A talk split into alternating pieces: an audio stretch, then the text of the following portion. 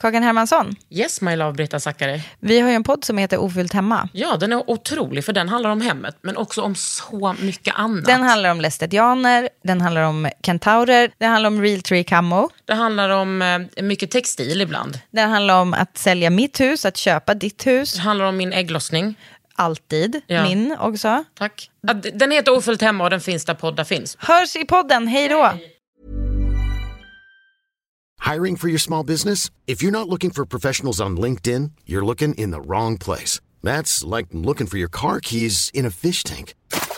LinkedIn helps you hire professionals you can't find anywhere else, even those who aren't actively searching for a new job but might be open to the perfect role. In a given month, over 70% of LinkedIn users don't even visit other leading job sites. So start looking in the right place. With LinkedIn, you can hire professionals like a professional. Post your free job on linkedin.com/people slash people today.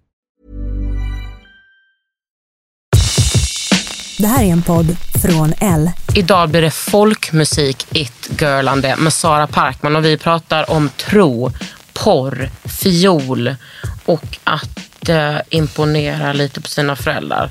Det borde ni lyssna på, speciellt du pappa. I- idag tycker jag varmt att du ska lyssna på min podd pappa. Välkomna till Under huden. Under huden. Med Kakan Hermansson.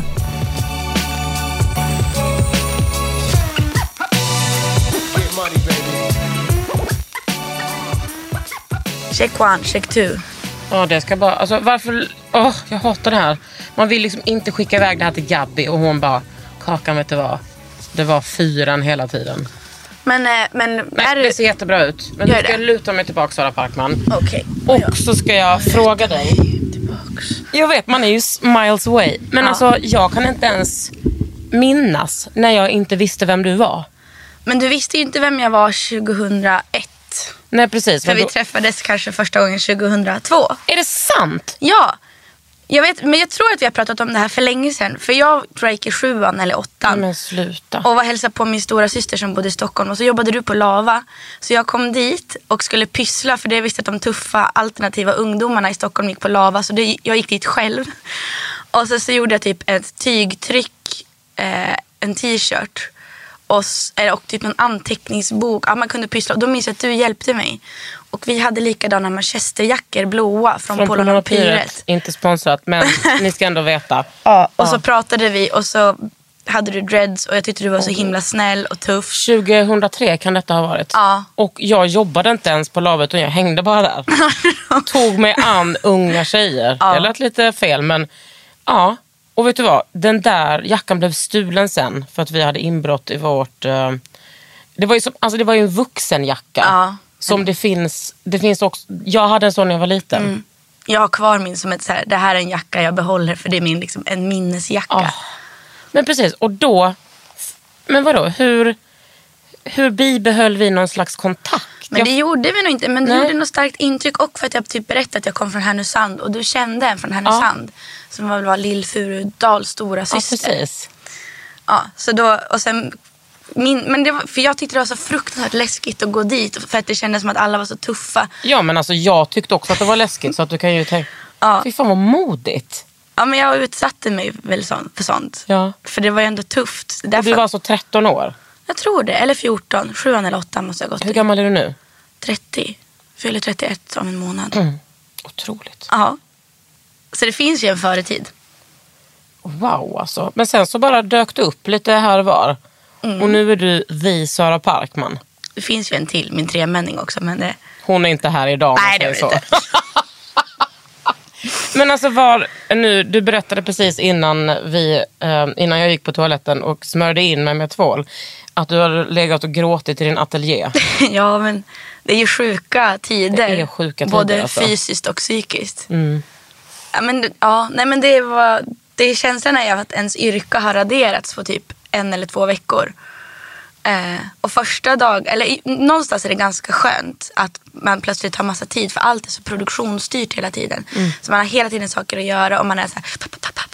Och nu så kan jag öva fiol, jag började läsa, har börjat läsa böcker igen, jag kan sitta och skriva. Men sen är det liksom när man är inne på dag tio så bara, men mitt yrke är ju också att möta andra människor. Ja, och spela tillsammans med andra. Ja. Och och eftersom man inte heller vet när det tar slut. Om det hade varit så här, men det är tre veckor, bra Mm. då kan jag göra en, en plan. Jag kan ha mina rutiner. Men det här kan pågå. Jag vet inte liksom, om alla mina arbeten ställs in i sommar. Jag kanske inte kommer ha någon inkomst. Nej. Ehm, allt är väldigt osäkert och så känns det som att den stora faran är att det kommer en stor våg av meningslöshet. Och det var det som hände igår. Och det är väl den som man måste mota i grind och så får man hitta på saker. Men det är svårt när liksom själva botemedlet är att vi inte ska vara sociala och där ju alltid finns styrka är det gemensamma. Det är kollektivet gud, som ja. är grejen. Verkligen. Och nu är kollektivet snart förbjudet. Ja, det är helt stört. Alltså, men det, jag, jag, jag tänkte, du är ju verkligen en perfekt gäst generellt, men speciellt nu in coronavirus times. Alltså att du, du, eh, du är ju den frilansande konstnären som, alltså Konstigt nog, det här har liksom inte påverkat mig skitmycket för att jag har så mycket, allting är så liksom, eller mycket baserat för mig på nätet med liksom Instagram och, och min blogg och eh, ja, det här är väl nätet på något sätt. Det går ut på nätet. Men eh, jag menar som konstnär, Ja. där, där ser det inte rikt ut just nu om man säger så. Nej, och det drabbar ju liksom alla från toppen till botten. Alltså det är en vän som jag menar, liksom internationellt erkänd konstnär och som ute, har stora liksom, utställningar i hela världen. Så bara, nej, allt är inställt. Ja. Det finns ingen backup för någonting. Alltså, även om du är jätteframgångsrik eller om du spelar afterski-gig, Ja. eh, skämt åsido, så är liksom alla drabbas och ingen har någon slags backup. För att vi lever ändå på något sätt utifrån kapitalismens Ja. kniven mot strupen ideologi hela tiden. Så, så att alla faller. Ja, men, och jag hörde i morse på, på Ekot ja, men att, eh, ja, att vi ska försöka efter... Ja, men det var något, något, någon lösning här som skulle försöka efterlikna en mall i USA. Att, så sa reportern, ja där är det ju många som verkligen bara lever på sin senaste paycheck. Jag bara, eh, vem fan gör inte det? Vem lever inte på sin senaste pay? Alltså, vem har råd att lägga undan pengar? Mm. Nej, men jag, tänker att det är så, jag, har, jag har ju faktiskt gjort det sen jag flyttade hemifrån. För jag, tänk, jag bestämde mig att jag skulle bli musiker. Så tänkte jag, jag kommer aldrig i, mitt liv kunna överleva på det här. Och mina föräldrar kommer aldrig kunna köpa mig en lägenhet. Och jag kan inte låna pengar. Jag, kan, jag måste, så att om jag har fått stipendium har jag sparat. Och sen har jag verkligen levt snålt. som en. Ja, men det också handlar om att jag har ek- ekonomisk panik och inte kommer från en bakgrund där det finns speciellt mycket pengar. Vi har Nej, men haft andra saker. Men, ehm, Det är bara för att vi har teologpappor. Ja, ja right? de, där de också är skitglada över att inte ha, så här, yes jag har den lägsta lönen i hela Härnösands stift. och vi sålde vårt hus när det var finanskrasch förra gången så Sara kan jag få låna pengar av dig? Det är liksom min uppväxt. Nej. men, nej, men så jag, jag, jag själv har ett litet sparkapital som, jag, som gör att jag inte ska sitta strandad. För jag tänkte det här kommer hända någon gång. Men, jag, men jag tycker så jävulst med hela så här, kapitalismen som visar sitt fula sattryne just nu. Att, för det, vi är så skolade att vi inte ska göra det. Vi ska leva hand ur munnen. Därför att, och att hela liksom, idén att vi belånar oss, vi köper saker som vi egentligen inte har råd med. Vi köper bostäder vi inte har råd med. Vi tar sms-lån, vi lever ut. Och så är Ja, det de där hela... sms-lånen har jag tänkt på nu. Alltså när det inte handlar om att så här, köpa en stor tv utan att överleva. överleva. Nej, men och, och, och jag tänker att det är hela ideologin också så med, med, med jorden, att vi lever utöver våra resurser. Alla vet om att det är dåligt att konsumera och flyga, men vi gör det ändå. Jag gör det. Eh, och det är samma med pengar. Och nu så blir det så tydligt vad det gör. Så här, en veckas efterfrågan är borta, då faller allt. Och plötsligt så fattar man så här, men tänk om jag inte kommer kunna betala min hyra. Och så kommer det vara för jättemånga människor. Och istället för att så här, jag, jag, jag hoppas ju att det kommer bli någon slags omförvandling, omställning om vi ser på till exempel kulturskapande. Att det inte heller är bara man ska leverera olika produkter som ska säljas utan kulturskapande är också ett sätt som vi gör, som vi är. Att, Ja. att skapa. ja, det har jag svårt att tro men för, folk vill så gärna köpa Mm. en produkt liksom. Men hur såg ditt liv ut innan eh, corona? Eh, Du är folkmusiker, så kan man ju säga va? Ja. Så att min, min, eh, majoriteten av min, liksom, mitt yrke är att spela, åka runt framförallt i Sverige och spela. Träffa må- många människor, göra konserter, bo på halvschabbiga hotell, käka en pad thai. Åh, Och låter helt underbart. Ja, men det, det är underbart. Jag fattar Ibland kan man bli extremt trött på att man aldrig är hemma när ens syskon fyller år eller att man liksom är på evig turné. Mm. Men nu när jag inte får åka, då är det som att det gör ont i hjärtat av tanken att här, jag kan inte åka och spela i Jokkmokk där jag också skulle hälsa på vänner. Eller jag kan inte fara till Göteborg och spela där jag också har kusiner. Men vad är det, hur liksom, är du uppvuxen bland spelmän? Eller vad, alltså, den där kulturen för mig är så spännande. Nej, jag är inte alls uppvuxen bland folkmusik. Det är som, eh, jag är uppvuxen, fram, eller först så växte jag upp i Rättvik i Dalarna. Där var det hur mycket spelmän som helst. Men min familj kom från Västernorrland. Vi var inte från Dalarna. Därför hatade jag allt som hade med folkmusik och folkdräkt att göra. För för mig var det en symbol av Rättvik som en protektionist, pro- protektionistisk och patriotisk plats som man inte fick komma in i. Och Så att ni blev inte välkomnade där eller? Nej, vi var liksom, mina föräldrar jobbade på en kristen kursgård som såg som någon slags freaky hippie-ställe. Ja. Men sen när vi flyttade hem igen till Härnösand när jag var 12, då Ja. hittade jag en skiva som heter Progghits A, B och C. Oh, Och så började jag lyssna på progg. Och jag drömde om att få leva på 70-talet.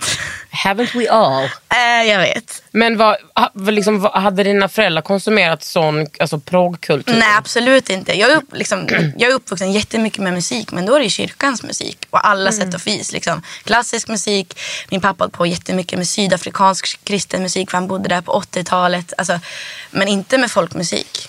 Men sen genom proggen så började jag fatta att det var coolt med folkmusik. Men i Härnösand fanns det inte heller riktigt några som spelade. Det är liksom en tjänstemannastad, så där är det mer klassisk musik och jazz och sånt. Men hur fan nosade du upp det här då? Kände du bara fiol, that's my thing? Ja, men det började jag spela när jag var sju, för jag tyckte det var ett vackert instrument.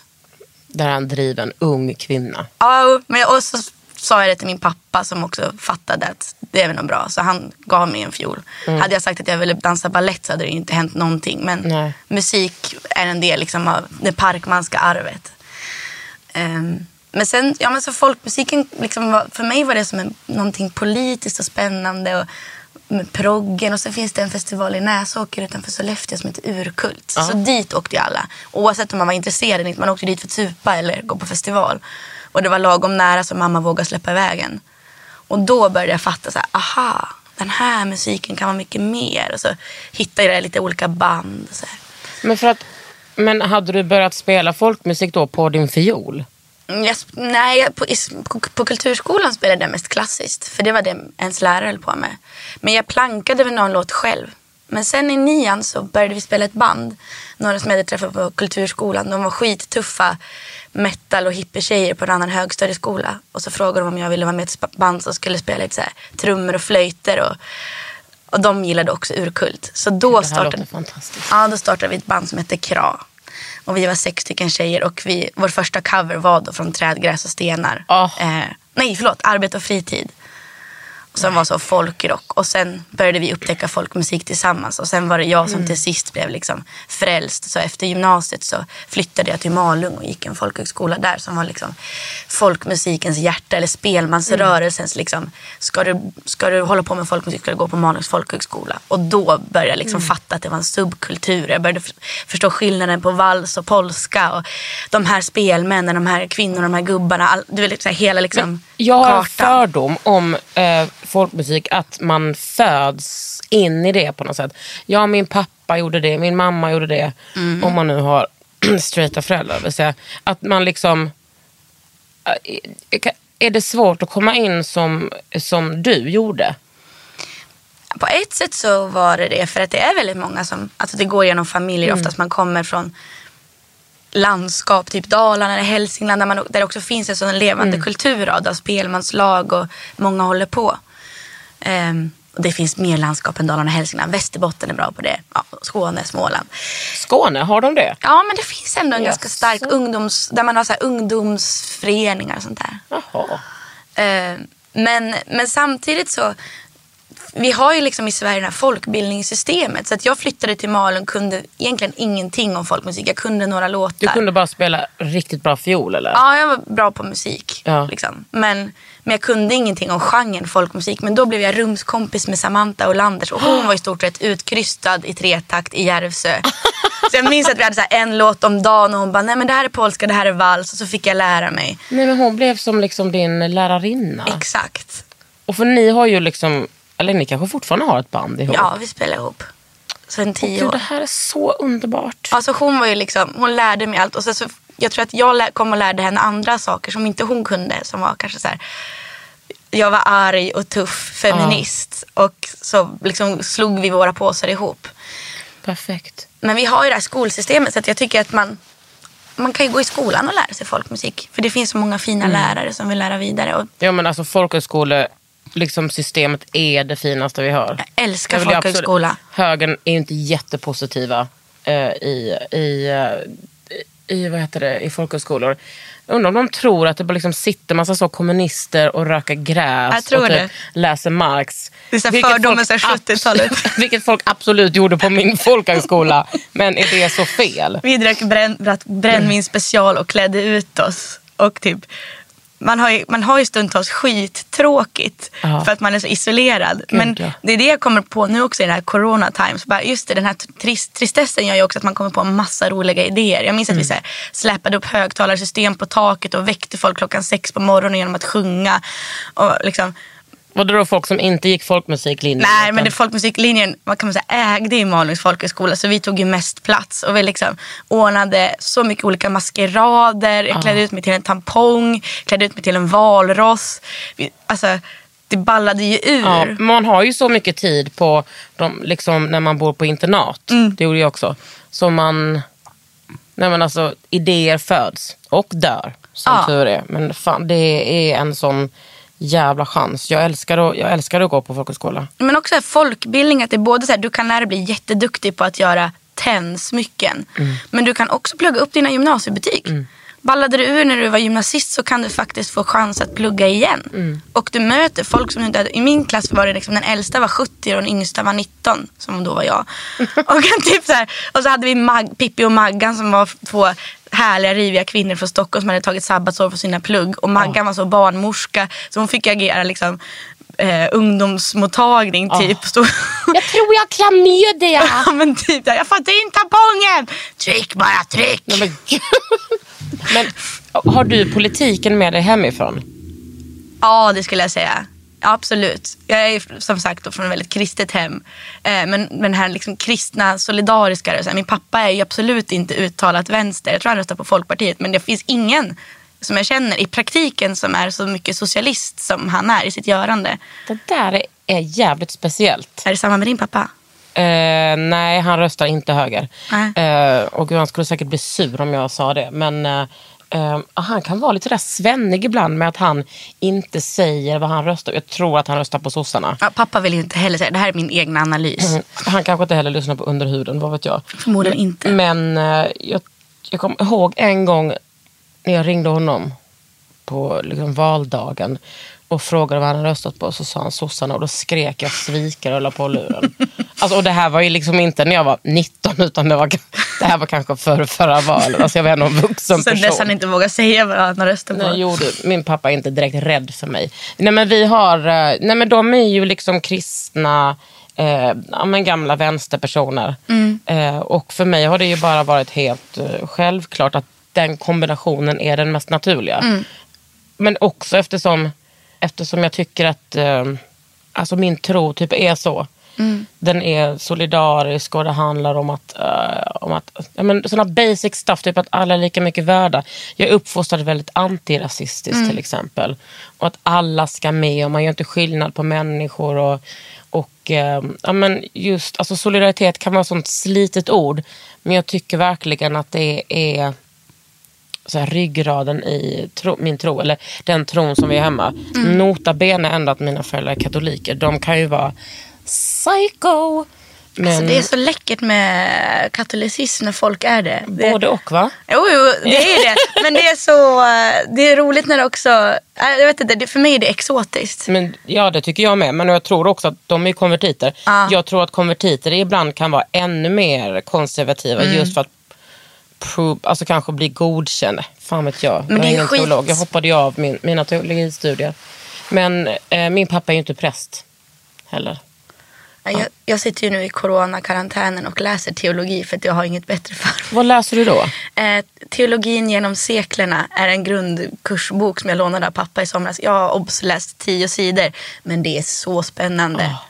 Alltså, religion och trosfrågor är ju fruktansvärt intressant. Och av alla de här, det är också det du nämner, så här, ja, men vad betyder solidaritet? Vad betyder politik i relation till religion? Vad betyder det nu i de här kristiderna? Eh, för att vi också typ måste vi måste härda ut att vi lever i en ovisshet. Ja, men då, människor har levt i det här förr. Eh, men att vi, har, vi har haft det så fruktansvärt bra de sista åren i Sverige, i den västerländska kulturen. Men kris och trauma och hemskheter är på något sätt egentligen grundinställningen för mänskligt liv. Och sen då att läsa de här teologiska idéerna om vem, vem är Gud, vad är godhet, var kommer ondskan från, världen är ofullständig, hur förklarar vi det? Jo, vi hittar på en teologisk modell som särskiljer en Gud från en annan idé.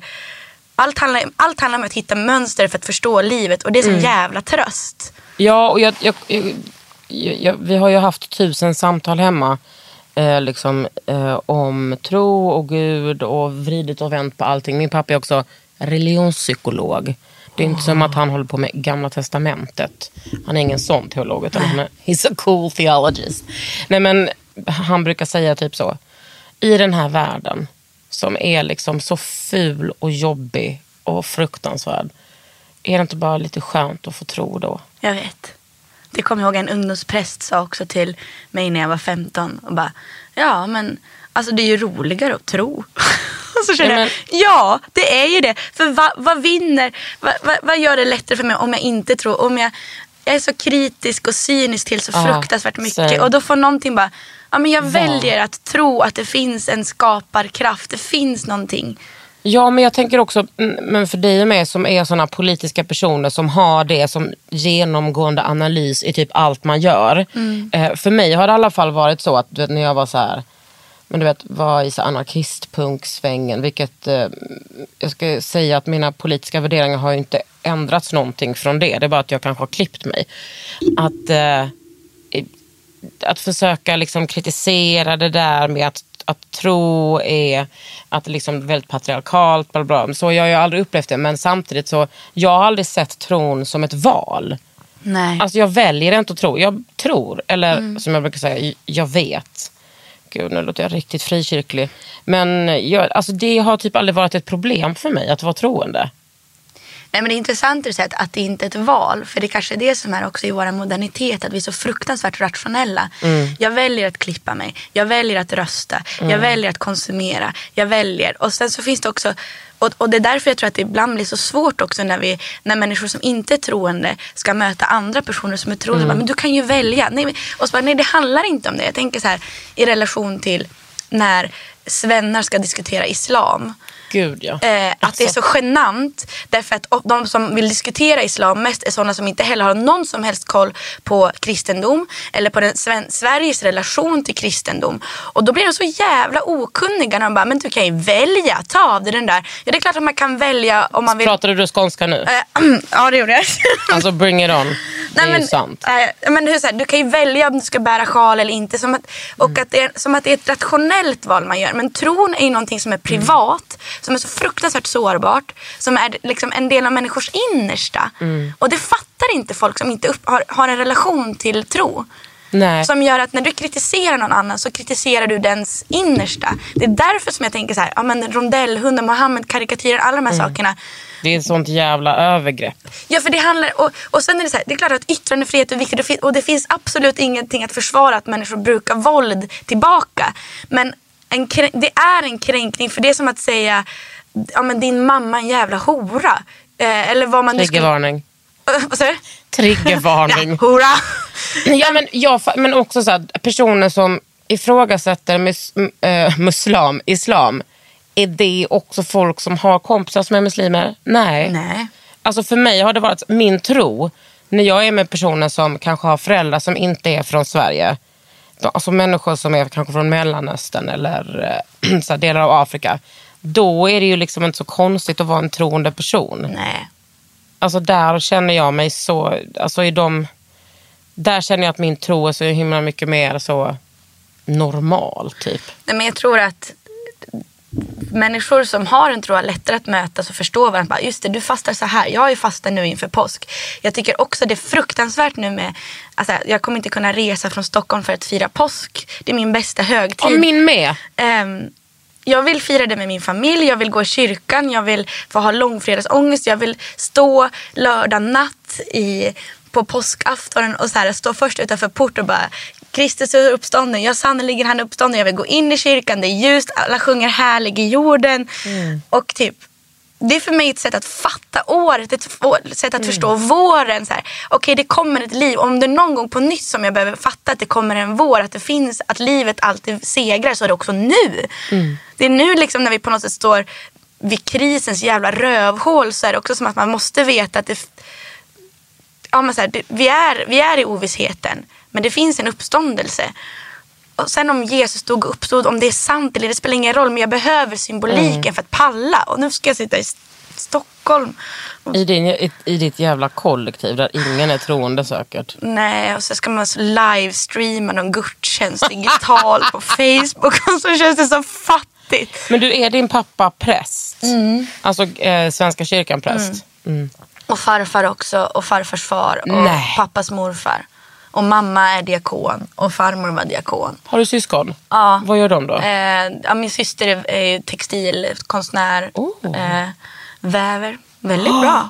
Gick hon på Konstfack eller? Nej, hon gick på Handarbetets vänner. Så har de en vävgrupp som heter Studio Super 7 som är briljanta. Åh gud, jag älskar väv. Ja. Min dröm att gå på väv faktiskt. Ja, det, Miriam är svinbra. Jag är så stolt över henne. Men gud, två sådana kreativa bra barn. Mm. Och sen har jag två stora syskon som är låsmed och arkitekt. Så det, Wow. Det är också ändå ganska kreativt. ja, det är det. Men det är väl, om det är någon som skulle bli präst så är det ju jag. Jag har också gått i de där tankarna. Mm. Jag har liksom ingen relation alls sådär till kyrkan som du har. Jag tänker att det inte är helt lätt att ha det heller. Nej.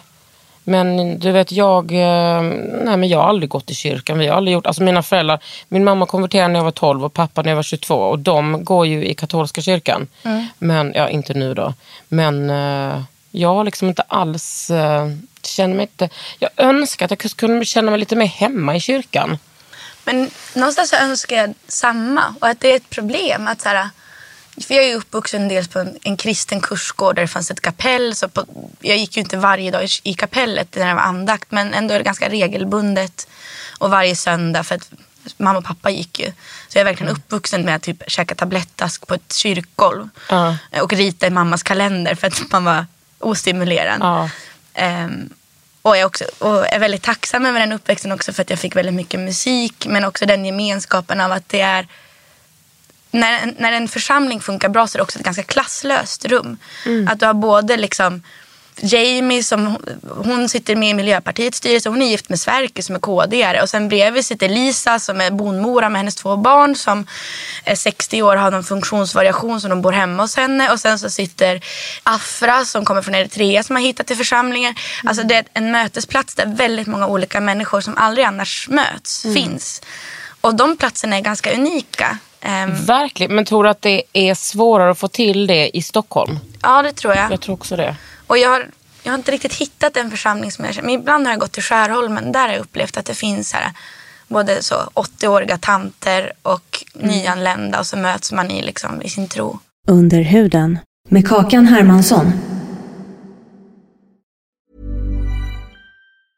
Mom deserves the best, and there's no better place to shop for Mother's Day than Whole Foods Market. They're your destination for unbeatable savings, from premium gifts to show-stopping flowers and irresistible desserts. Start by saving 33% with Prime on all body care and candles. Then get a 15-stem bunch of tulips for just $9.99 each with Prime. Round out Mom's menu with festive rosé, irresistible berry chantilly cake, and more special treats. Come celebrate Mother's Day at Whole Foods Market. This Mother's Day, celebrate the extraordinary women in your life with a heartfelt gift from Blue Nile. Whether it's for your mom, a mother figure, or yourself as a mom, find that perfect piece to express your love and appreciation. Explore Blue Nile's exquisite pearls and mesmerizing gemstones that she's sure to love. Enjoy fast shipping options like guaranteed free shipping and returns. Make this Mother's Day unforgettable with a piece from Blue Nile. Right now, get up to 50% off at BlueNile.com. That's BlueNile.com. Men du, hur funkar det när man är eh, folkmusiker? Alltså när du säger att du har dina gig. Alltså för mig är det bara att man ses i en lada och så står det liksom 13 personer där. den, den, den, och så spelar de olika instrument och sen så går någon och dricker en kopp kaffe och sen går den tillbaka och spelar lite. Detta är alltså från att jag på somrarna, brukar jag och min svärmor åka, vi bor på Orust på somrarna, brukar vi åka till, är det Myckleby kyrka? Så går vi dit och så är det spelmansstämma, så står vi där och kollar och så gråter jag varje gång för att det är så vackert. Man kan säga att det finns, eh, det där är ju sant, men det finns ju också mycket mer. Jo tack, Eh. det förstår jag. Men så, folkmusik Sverige är kanske, man kan tala att det finns en amatörscen och en professionell scen. Och amatör ibland används som ett nedvärderande ord. Det är det inte i det här sammanhanget. För att amatörvärlden eh, bär hela scenen. Så det, finns, det är väldigt många som spelar folkmusik som kanske annars jobbar som lärare eller grävmaskinist eller snickare eller ja, man har det som en hobby. Det, kommer, det är en del av så här folkrörelse-Sverige. Man engagerar ett spelmanslag, ett spelmansförbund. Man, Och vad är spelmanslag? ett spelmanslag är när man träffas ett gäng och sitter och spelar låtar ihop. Alltså, en, det är som en kör fast man spelar musik. Och, och då, då är det det gänget. Ja, och man kanske är 10-20 stycken och så spelar man oftast, om man är så här Viksjö spelmansgille utanför Härnösand, då spelar man liksom oftast låtar från den trakten och man, man är liksom lite hembygdsintresserade. Och de of, arrangerar oftast också spelmansstämmor eller konsertkvällar. Så det är en jätteviktig del av folkmusikscenen, de här liksom ideella krafterna. Det här är, liksom, det här är kulturtanterna. Motsvarande de som ordnar eh, handarbetscaféer eller eh, ABF eller studiecirklar. Liksom den delen av Sverige. Men sen så finns ju den professionella scenen där där man ofta, alltså, är oftast lite yngre och man har gått kanske musikhögskolan, man jobbar som musiker. Och då är de här, ibland spelar man på kaffekopps, kaffe och fika pausställena och får också oftast ganska rimligt betalt så det är ett bra jobb. Eh, för att de har, de är en ideell förening som kanske jobbar ihop, de är duktiga på att liksom arrangera. Får de också stipendier eller lite stöd? Ja, om de är en arrangörsförening så kan ni ju söka stöd från typ Musikverket eller Kulturrådets liksom, arrangörsbidrag. Men, Gud, alltså, det är verkligen what keeps Sweden running det här. oh ja, verkligen. Det är liksom den, den dolda kultursektorn, Ja. den ideella. Men sen i det här professionella som jag ändå tillhör, då, då gör man ju ganska mycket olika jobb. Jag har jobbat mycket åt Riksteatern, så då har jag så skrivit musik och manus, turnerat med föreställningar. Som har varit eh, också din egen föreställning. Ja, precis. Det- Och sen så kan man gö- göra liksom om man gör skolturnéer eller man spelar på pensionärshem. Alltså då är man en knegare inom musikens tjänst. Och då spelar man ibland på typiska folkmusikställen. Men lika gärna kan man spela på Söderhamns teater. Eller som jag gör så spelar jag också ganska mycket på olika klubbar eller eh, festivaler. Att man är mer av en musikscen. Men vad är det då? Säg att du ska spela på en... Eh, sist jag spelade nu så var det på Folk och världsmusikgalan. Det var den sista spelningen. och vad spelar du då? Då spelar jag min egen musik. För jag släppte en skiva då i höstas. Som heter? Vesper, apropå den kristna. Eh, vesper betyder bön vid aftonstjärnan. Eh, och är en del av tidiggärden, alltså dagliga bönen. Kan du inte berätta lite om Vesper? Ja, men Vesper är en skiva som kom till under ett och ett halvt års tid. Som jag har gjort tillsammans med Hampus Norén som är liksom min bästa vän. Och Har han också gått på Malung? Nej, han är kompositör från början, vi blev vänner på Musikhögskolan. Ah. Han är inte folkmusiker. Men vi, jag ville liksom arbeta med då det som är den första musiken som jag växte upp med, det vill säga den kristna musiken. Eh, och det finns, för det finns så himla mycket fina melodier och salmer och sånt. Så jag satt och spelade mycket av dem och, och började skriva egen musik i relation till dem. Så kanske satte en text på ett tusenårigt Kyrie. Och sen- Vänta, vänta, vänta Sara. I might be a Christian. Men vad menar du? När du säger att du sitter och spelar, då tar du upp fiolen eller kan du spela piano Ja, jag också? spelar piano också. Satt och spelade liksom, kanske lite olika salmer och bara den här salmen tycker jag om. Varför tycker jag om den? Men det är en fin ackordsföljd. Så vi började göra en ny melodi. Och liksom, ja, men, den kristna musiken var min lera och så började jag forma andra grejer. Pratar du nu för att jag som keramiker ska förstå? exakt.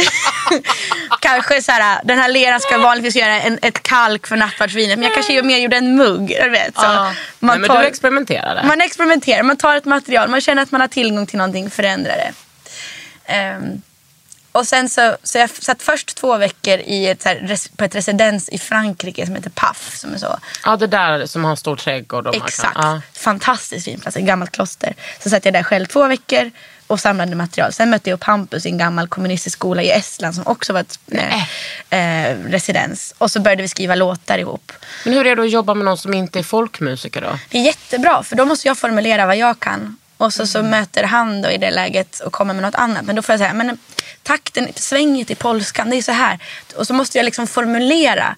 Just det, men det, det är ju för att ettan måste kännas tung. Vi måste göra ettan tung. Alltså jag måste förklara för någon som inte kan. Och Du då, är verkligen så mycket musiker. ja, That's absolut. cool. Det är min, det är min profession. Va? Ah, fy fan vad coolt alltså. Så, så det är jätteroligt att ar- arbeta med människor som inte kan samma sak som mig själv. För då fattar jag vad jag kan och jag lär mig vad den personen kan. Eh, En, en kompositör som Hampus till exempel är jätteduktig på form. Bara, nej, det ska inte vara tre refränger, det ska vara en. Jag bara, men vadå, jag älskar men- Nej, men det blir för långt. Helheten. Så, blir det, så det blir liksom ett utbyte av ens olika kunskaper. Men vad är, vad är det i din platta som är Vesper? Namnet på skivan kom till typ ett halvår efter att vi började skriva musiken. Men då när, vi, när Hampus kom på det, ska jag credda honom för det var inte min idé. Hampus, det ska du ändå, det ska du ändå ha. Ja, det ska du ha. Då, då kände jag så här, japp, det är det det är. Och att idén om en bön, en aftonbön för vår tid. Och så var det som att all musik och låtar som hade kommit till liksom passade in under det paraplyet. Och det blev också lättare att börja göra en, en dramaturgi i albumet. Ehm, och jag tycker också väldigt mycket om idén om aftonbönens funktion. Att man sammanfattar en dag. Man känner tacksamhet men man också blickar framåt med en ovisshet. Som vi också är i nu. Att man, jag vet inte vad som kommer hända imorgon men jag känner mig ändå trygg för att jag är sedd av Gud. Eller, Ehm, och att man på något sätt är, det finns en närvaro i den stunden som jag tycker om. Och, och att jag upplever också att den typen av närvaro finns i, också i musik. Apropå så här, vilka sammanhang man känner gemenskap. Så, så, så i konserten eller i mötet att spela med någon annan så upplever jag också att man kan komma till samma typ av sinnesro som man kan göra i en andakt eller en gudstjänst. Eller som jag tänker att människor upplever om man går på rave eller man har ett möte med någon. Liksom. Nu känner jag verkligen att min pappa måste lyssna på det här avsnittet. Ja, och då känner det. jag, förlåt pappa att jag pratade om vad du röstar på. Men vet du vad? Du har också uppfostrat mig till att bli den här personen så att det är Ja. inte mer med det. Nu får du lite belöning. ska du få lyssna på Vesper. Det är också en skiva som både så Joel Halldorf som är pingstvän älskar och eh, Marit Östberg som är queer BDSM-filmskapare älskar. Är inte det helt eh, fantastiskt? Jo, men jag kan tänka mig det. Det är liksom eh, tuff och intellektuell folkmusik. Får jag säga så? Ja, kul. Smickrande. Det, det kan du ha så på skivan. Tuff och intellektuell folkmusik. Kakan Hermansson. Under huden med Kakan Hermansson. jättebra. Okej, men, så då, men spelar du alltid din egen musik när du ställer dig på scen? Det, det går ju som i perioder för det är som att man är i olika cykler. Så nu gör jag det eftersom skivan har släppts och då finns det ett intresse. Så då har jag ett band. Jag har med mig Hampus som jag har gjort skivan med som alltid är med och spelar. Och sen har jag med oftast tre, fyra till musiker. Som, Och vad spelar de då? eh, Hampus spelar gitarr och sjunger. Sen är det som heter Isabelle som spelar syntar. Juan spelar slagverk, Fanny trumset och Ellen spelar flygelhorn. Och alla ni ska ha betalt. Ja visst. Vad får man för ett gig Sara? Eh, Let's be honest alltså. Ja, men det här tycker jag är jätteviktigt att prata om. Eh, när man spelar på större ställen, typ, eller så här, för om Way Out West blir av, då får vi 35 000. Det är ganska, då, vi ska spela där. Det är kanske inte officiellt, men ingen vet ju någonting. Alltså, Way Out West kommer inte bli av. Nej, Tror jag. nej jag tror inte heller det. Tråkigt. Ja men då kan du lika gärna säga det. Ja. ja men det är en så stor festival. Men, Ja. så, men de betalar inte, de borde egentligen betalat mer. Men sen så ska, om man spelar typ på en stadsfestival i en kommun, då kanske de betalar 50 000. Och då ska det delas upp på er. Ja, sex musiker. Så ska det också täcka resa. Och så har man bokningsbolag som också tar en procent för de gör själva produktionen. Så i snitt blir det ungefär 3 000 per person och gig om man får över 30 000. Men i höstas när vi gjorde releaseturné då fick alla, inklusive också jag själv, eh, 1800 per konsert. Så att, alltså det, man känner, det, man är inte rik. Man är absolut inte rik som musiker utan tvärtom. Man liksom, Om man inte är the knife typ. Ja, men jag tror inte att... Ja, Eh, de, jo, jo, men de är nog jo. rika för att de har liksom placerats, eller sina mus- musikinspelare. Men man blir liksom inte rik på live. Livemusik liksom. Det är Om som, man inte spelar på Coachella typ. ja. Men folk förväntar sig också att man ska spela för ganska lite pengar för det är bra. Och typ Eh, exponeras. mm. Men gick du på musikhögskola? Här i Stockholm. Mm. På folkmusiklinjen. Var det en dröm? Nej, men det var jättebra. Men jag visste när jag sökte så här, det här kommer inte alls vara roligt. Men allt i livet är inte kul hela tiden. Jag vill lära mig det här. Och så var det. Men vadå? Va- Och hur, varför var det inte kul? Därför att det är skitjobbigt att eh, hålla på med musik och konst. För att man tvivlar alltid på sig själv och när du är under utbildning ska du alltid bli bättre. Jag vet, det är hemskt. Så att det är mycket sådär, ligga, alltså att jag låg och grät i min ateljé igår. Det är inget nytt under solen. Det, jag har mycket minne man ligger här en linoleummatta på Mm. en 60-talsbyggnad och gråter för att jag fattar inte. Jag tänker att jag kan inte spela. Eh, men men jag hade, det var också jättebra. Jag hade skit, skit, skit bra lärare. En jättefin institution och de är så seriösa. Man blir både så här hantverkare och konstnär. Och du ska veta ditt arv och det är ganska så intellektuellt. Eh, Gud vad härligt. Det saknade jag bitvis på min, for, min konsthögskola. mm, älskar också, för du har ju också utbildat i ett traditionellt hantverk. Verkligen. Mm. Eh, som jag har utövat mer än någonsin nu under de här karantäntiderna. Mm. Det är det enda jag gör. Jag går upp eh, och sen så 7 och 15 åker jag till min ateljé. Och är där hela dagen. Ja. Min lera är liksom slut för att jag bara har jobbat så jävla mycket. Men inte, det, det är det jag tycker också är så skönt. I, man kommer tillbaka till att man har ett hantverk. Mitt hantverk är att spela fiol. Mitt hantverk är musik. Jag kan, kan det. Och det är på något sätt, det försvinner inte. Oavsett om efterfrågan finns eller inte. Så bara, "Ah, ja, men jag kan ju spela ändå. Det är det jag kan. Och det är väl det jag tänker om vi ska se en omställning av kulturlivet. Att det kanske är det vi också kommer tillbaka till. Att kulturen existerar o, oavsett om den har pengar eller inte. För det är, inte en, det är en vara men det är också någonting annat. Det är något så mycket större. Eh, Alltså, you can't hide från, kult- från kulturen. nej men om vi kommer, om, om vi, efter den här krisen så kommer det behövas mycket själslig s- tröst. Men jag tror att folk är liksom lite skadade på sättet de ser i vad själslig tröst är. Mm. Alltså, jag tänker på vad man konsumerar. Liksom. Vad tänker du att folk konsumerar då? Porr, typ. Ja, just, ja. ja visst. Man, Nej, bara, vad- alltså man får inte glömma att hälften av människorna på jorden är män. Det är kanske, Nej, inte, det- de, det är kanske inte de mest intellektuellt prövade personerna. Barnporren hade ju ökat nu när folk jobbar hemma så att säga. Alltså Mm. nätpedofilerna var ute och fiskade extra mycket nu. Mm. Sa de på radion i morse. Fy fan alltså. Ja, det är otroligt. Det är svårt att tro. Jag förstår inte. Men alltså, jag är ju naiv. Jag tror ju att människan är god. Och så blir man gång på gång motbevisad. Ah, Gud, jag är helt tvärtom. Tänk att människor är helt, liksom, inte är så smarta, vilket de flesta inte är. Men vet du vad jag eh, faktiskt har gjort under den här ka- karantänen? Mm, Det låter, jag kommer säga det och du kommer bli chockad och sen ska jag förklara det. Jag har faktiskt kollat på en film på Pornhub. För, ja, ja, jag blir inte chockad. Det finns mycket kul att kolla på där. Eh, Nej men det här är alltså en film som en bekant till mig i USA har gjort. Som heter Shakedown som handlar om en lesbisk strippklubb Ja. i LA. Och jag liksom, den har visats på mass, massa eh, filmfestivaler. Och de, de har inte jag varit på. Men nu så la hon upp att den, att den ligger där på Pornhub. Jag vill liksom inte stötta Pornhub på något sätt men jag vill gärna se den och den är så jävla fin. Men jag har någon gång... Jag, jag har inte heller fattat att det fanns i min naiva värld att jag tänker att allt är gott. Så har jag inte heller avsiktligt uppsökt då sådana sajter. Jag har inte varit intresserad. Ehm, men så fick jag en idé bara, men fan det måste, eftersom det, jag vet ju att det finns porr om allt. Det måste ju finnas något så här med ormar.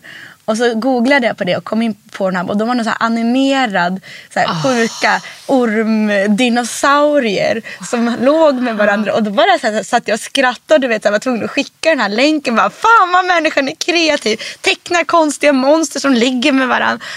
Och så tyckte jag att det var ganska kul. Och så kände jag, Pornhub, ja intressant. Men, men det var liksom, det är ungefär där jag har rört mig. Men, eh, där, där får du verkligen hålla dig. Det låter sunt. Ja. Nej men alltså snälla, ja, det har, då har det gått eh, långt. Och man måste kolla på det där för att liksom få sig en buzz. Men det, det är väl det som är det sjuka med den här att om folk har blivit skadade för att man tröstar sig själv med porr. Det, och det här var ju liksom också en, en, en vilja, eller som är min vilja med att hålla på med musik och också med, med Vesper.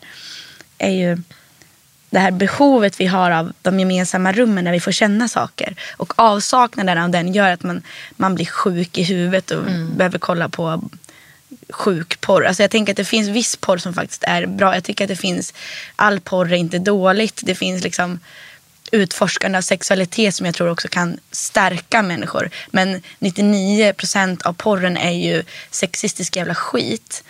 Um, men Dokumenterade övergrepp skulle Exakt. jag säga. Men att vi faktiskt vi behöver att vi, vi, så, vi i det här moderna samhället är sån djup behov av meningsfulla rum ihop.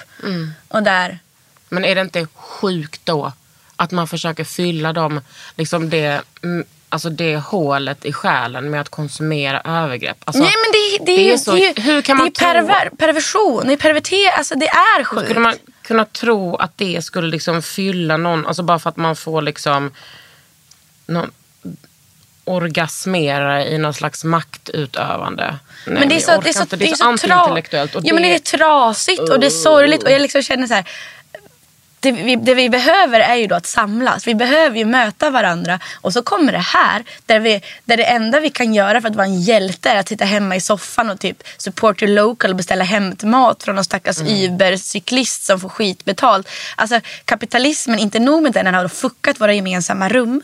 Den har liksom gjort att vi konsumerar porr för att trösta oss.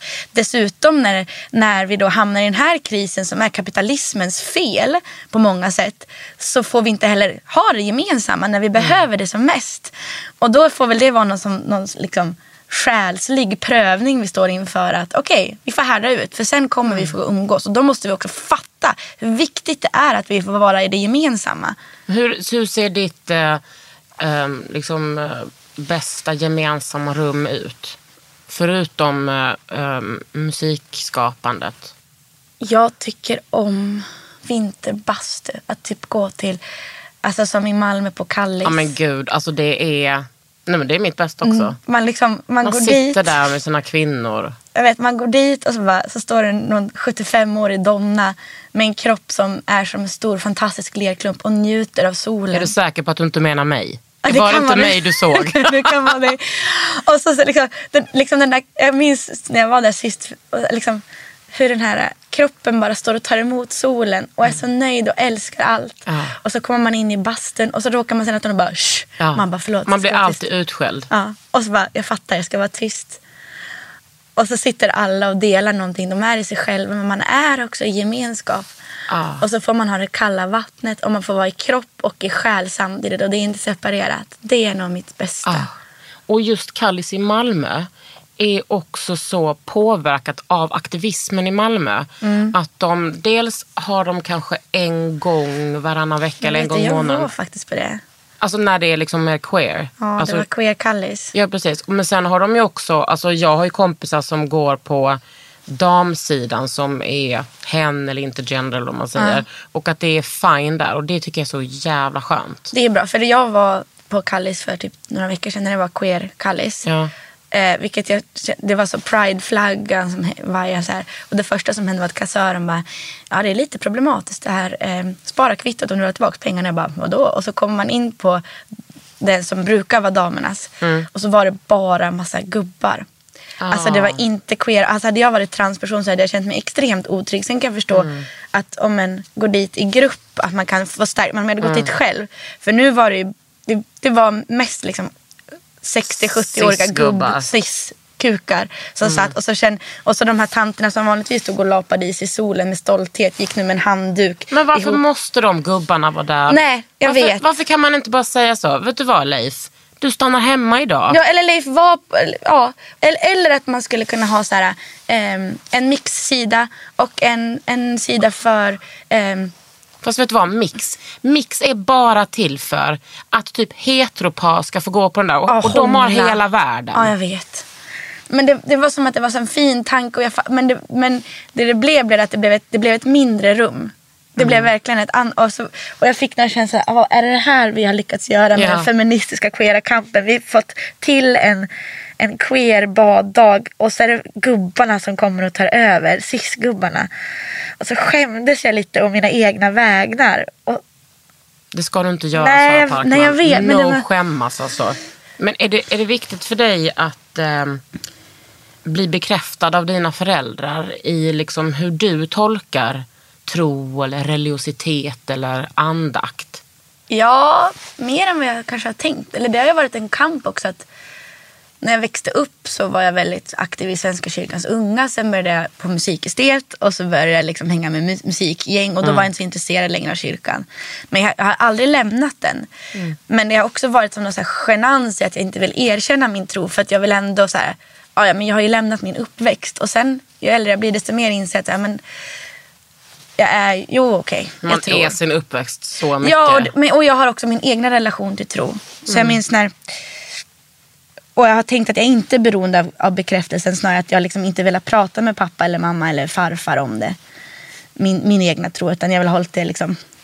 Satt en gräns liksom. Men jag och Samantha hade ett sommarprat för två år sedan.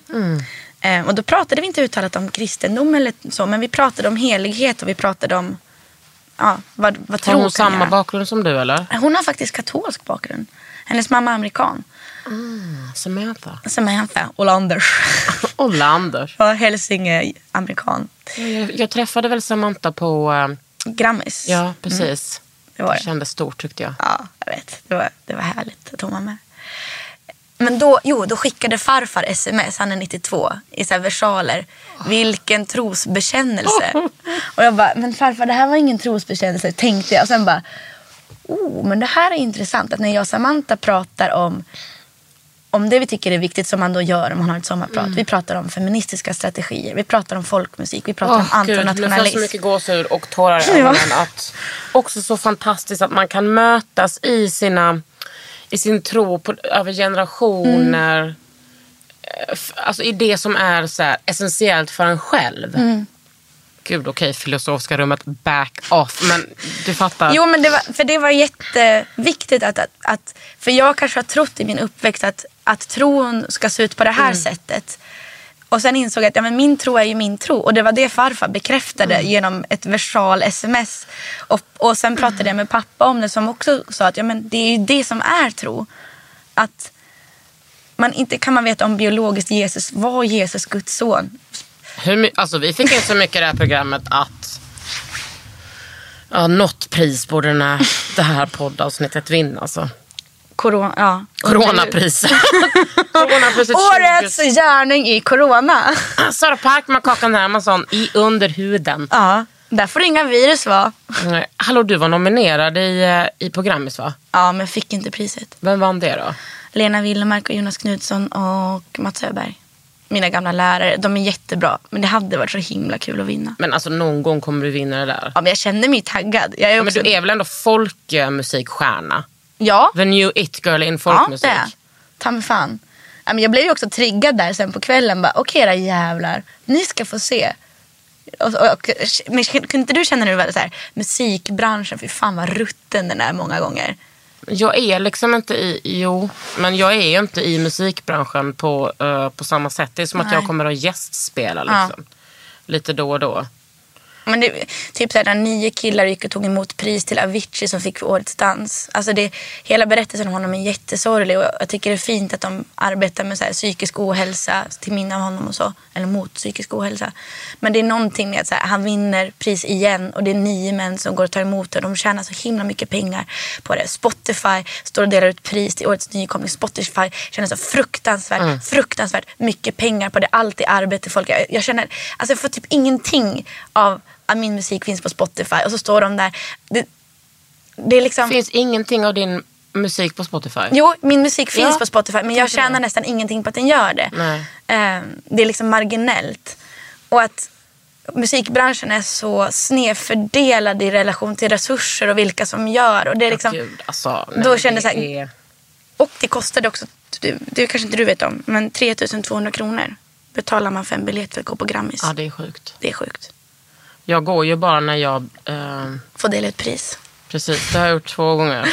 Ett år till årets visa. Ja, Thomas Ledin, motherfuckers. ja just det, med hans Höga Kusten eh, Ja, det var länge sedan. Och sen så nu till Farfar gick i tåget. Det var så. Exakt den. Ådalen 31. Och, ah, Det är en ganska bra skiva faktiskt. Jag har gråtit till den. det har du. Men nu delade jag ut till Amazon. Mm. Det kan man väl säga var otroligt välförtjänt. Ja, de är toppen. Vi spelade faktiskt li- vissa delar av Vesper inspelade i Amanda Petters hus. Ah, I Dalarna. Mm. Fick låna deras hus. Jättefina syntar. De har verkligen jättefina syntar. Ja, men det har massa fina syntar och höns. Det ja, var... men nu, ska, nu får ni knappa in och lyssna på Vesper. Och, ehm, Ja. Ni kan också köpa skivan. Ja, ni kan... Det eh, skulle vara så jävla bra för Sara Parkman just nu. Det är faktiskt bra. Jag sitter och är ganska rastlös. Jag skickar fina paket. Ni kan skriva på Instagram så kan jag... Och där heter du Parkis med Z. så bra namn. Jag har haft det sedan jag var 14. Så det, alltså inte Instagram, men det är mitt smeknamn sedan högstadiet. Precis, då vi lärde känna varandra. Ja. Ja, du har lyssnat på Under huden med mig, Kakan Hermansson. Och Med mig, Sara Parkman. Du har lyssnat på Under huden med Kakan Hermansson. En podd från L.